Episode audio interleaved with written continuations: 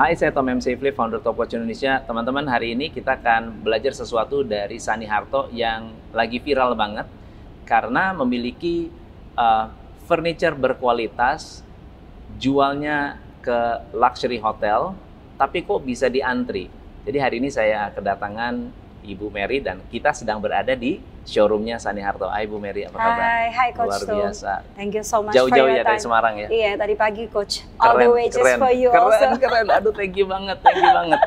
So, uh, Bu Mary, kita uh, banyak sekali mendapatkan kabar yang sangat luar biasa tentang Sani Harto dan uh, sampai Pak Jokowi datang ke pabrik. Iya. Uh, banyak nih teman-teman yang benar-benar penasaran apa sih sebetulnya yang membuat Sani Harto begitu uh, diminati. Kemudian, what's the story about Sani Harto? Mungkin cerita dulu tentang Mary, Bu Mary itu siapa, lalu uh, what's Sani Harto?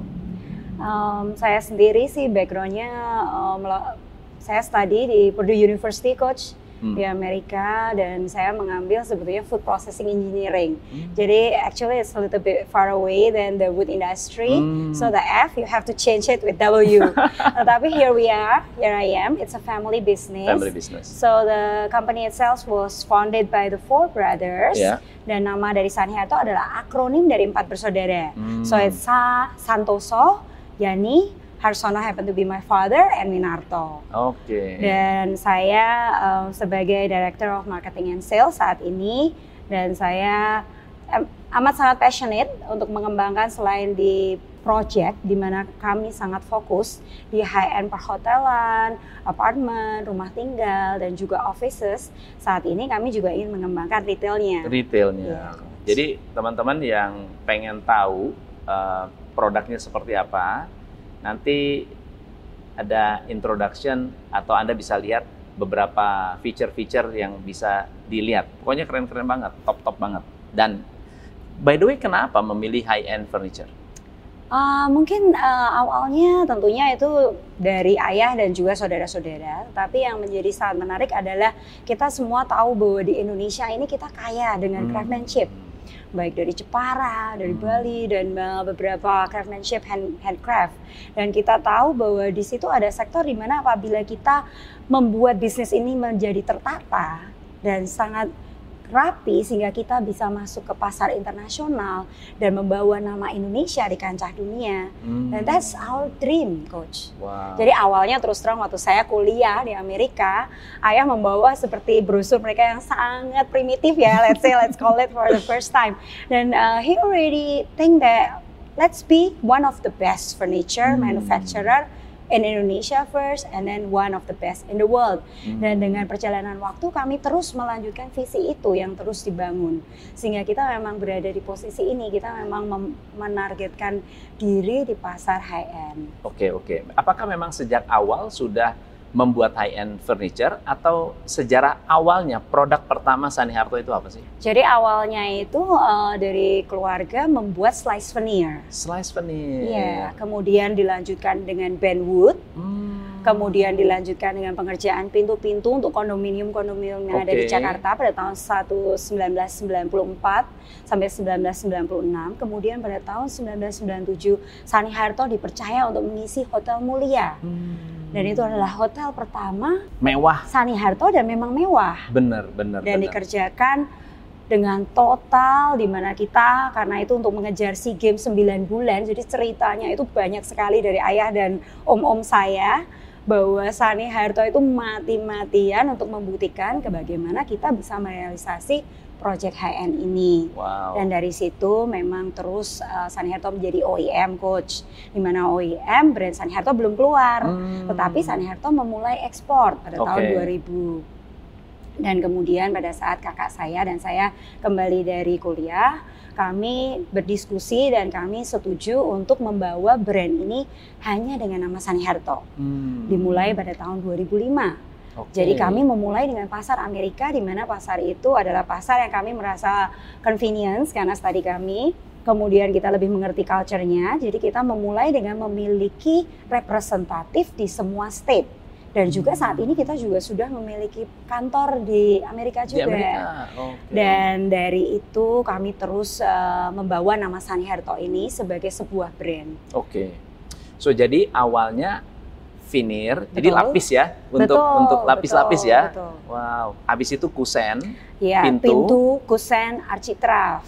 Oh, Oke. Iya. Baru- Marquetry saya tadi lupa sebutkan. Hmm. Marquetry itu bisa dibentuk apa saja coach sesuai wayang, sesuai painting, even Hmm. your face if you need ya? it we can Oke. make it for your office. Dan itu dipakai mesin. Jadi Sani Harto itu memang memiliki em, ini a bit uh, dapur ya Dapur cerita ya, dapur, dapur, dapur tetapi ya. memang kita memiliki uh, skill Wow. hand skill yang very detail dibantu juga machineries. Hmm. Jadi ini udah kombinasi. My uncle itu happen to be a dentist. Jadi pada saat Hebat ya. tiba-tiba kita mendapat proyek seperti marquetry of wood and mother of pearl. Jadi Hmm, it's not just wood. These days the marquetry itu pakai logam, pakai metal kuningan, Wow. pakai stainless steel, pakai mother of pearl. Saya tuh Dan tiba-tiba itu terkenal sulit sebetulnya Sulit. ya. Ya sulit coach karena seperti mother of pearl inlay kami harus mencontoh produk-produk dari Maroko. Hmm. Jadi memang ada tantangan dua tahun yang lalu kami mendapat project MGM di Kotai dan project itu memang mau mereplika produk dari Maroko. Tapi kan Hmm. mahal ya coach. Ya, Mereka ya. mungkin five times our pricing and we can do it in quantity. Ya. Karena kita juga punya machineries. Tapi tiba-tiba yang cerita saya ingin sampaikan, one day ini ada like dentist machine gitu loh in the factory and I was like, oh, what's that for gitu. Dan ya memang uh, background-background engineering dari ayah dan juga om-om saya itu yang membuat kita selalu striving. Jadi apabila ada permintaan, kita akan berusaha mendapatkannya, me- reach it however it takes, how difficult it takes. Dan itu yang membuat Sani Harto sepertinya semakin uh, maju dalam arti mengembangkan teknik-teknik skill yang tadi coach tanyakan bagaimana menjadi Wow.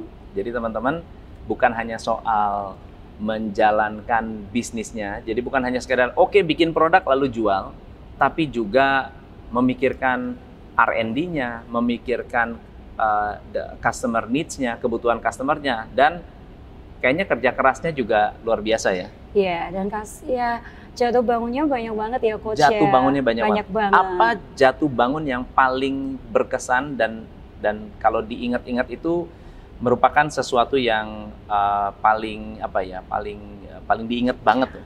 Wah, ada banyak ya coach. Kalau diulang nggak mau lagi, kira-kira apa Iya, tuh? ah, Iya, kita pernah memang coach. eh, jadi untuk menjadi four season vendor, kita memang harus jadi apabila kita menjadi vendor dari sebuah brand seperti Four Season, Ritz Carlton, kita harus menjadi preferred vendor.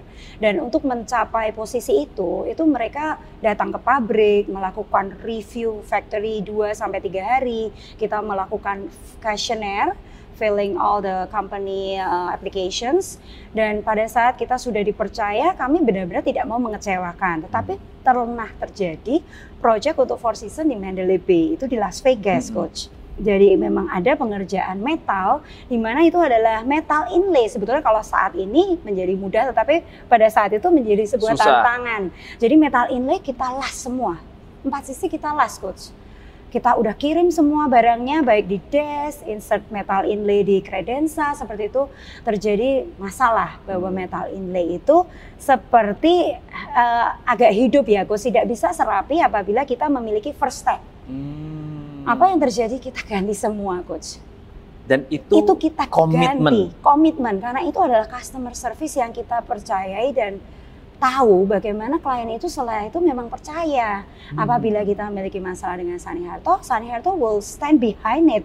Jadi Sani Harto akan do anything gitu. Dan setelah itu memang terus terang seperti brand Four Seasons dan yang lainnya pun kembali lagi dan kembali lagi coach. Saniato nggak Dan bakal itu- bela diri atau lari dari kenyataan atau kabur Iya nggak gitu. berani, Nggak nggak berani pakai banget. Soalnya itu reputasi kita dan kita juga yakin the word of mouth dari klien-klien itu baik dari desainernya sendiri. Kalau di Amerika mostly ada purchasing coach, Yeah. baik di UK, di Eropa juga seperti itu, di Middle East. Jadi dari middle purchasingnya, desainernya, juga ownernya itu kita make sure we want to make sure that they are happy with our Oke, quality at the end of the day.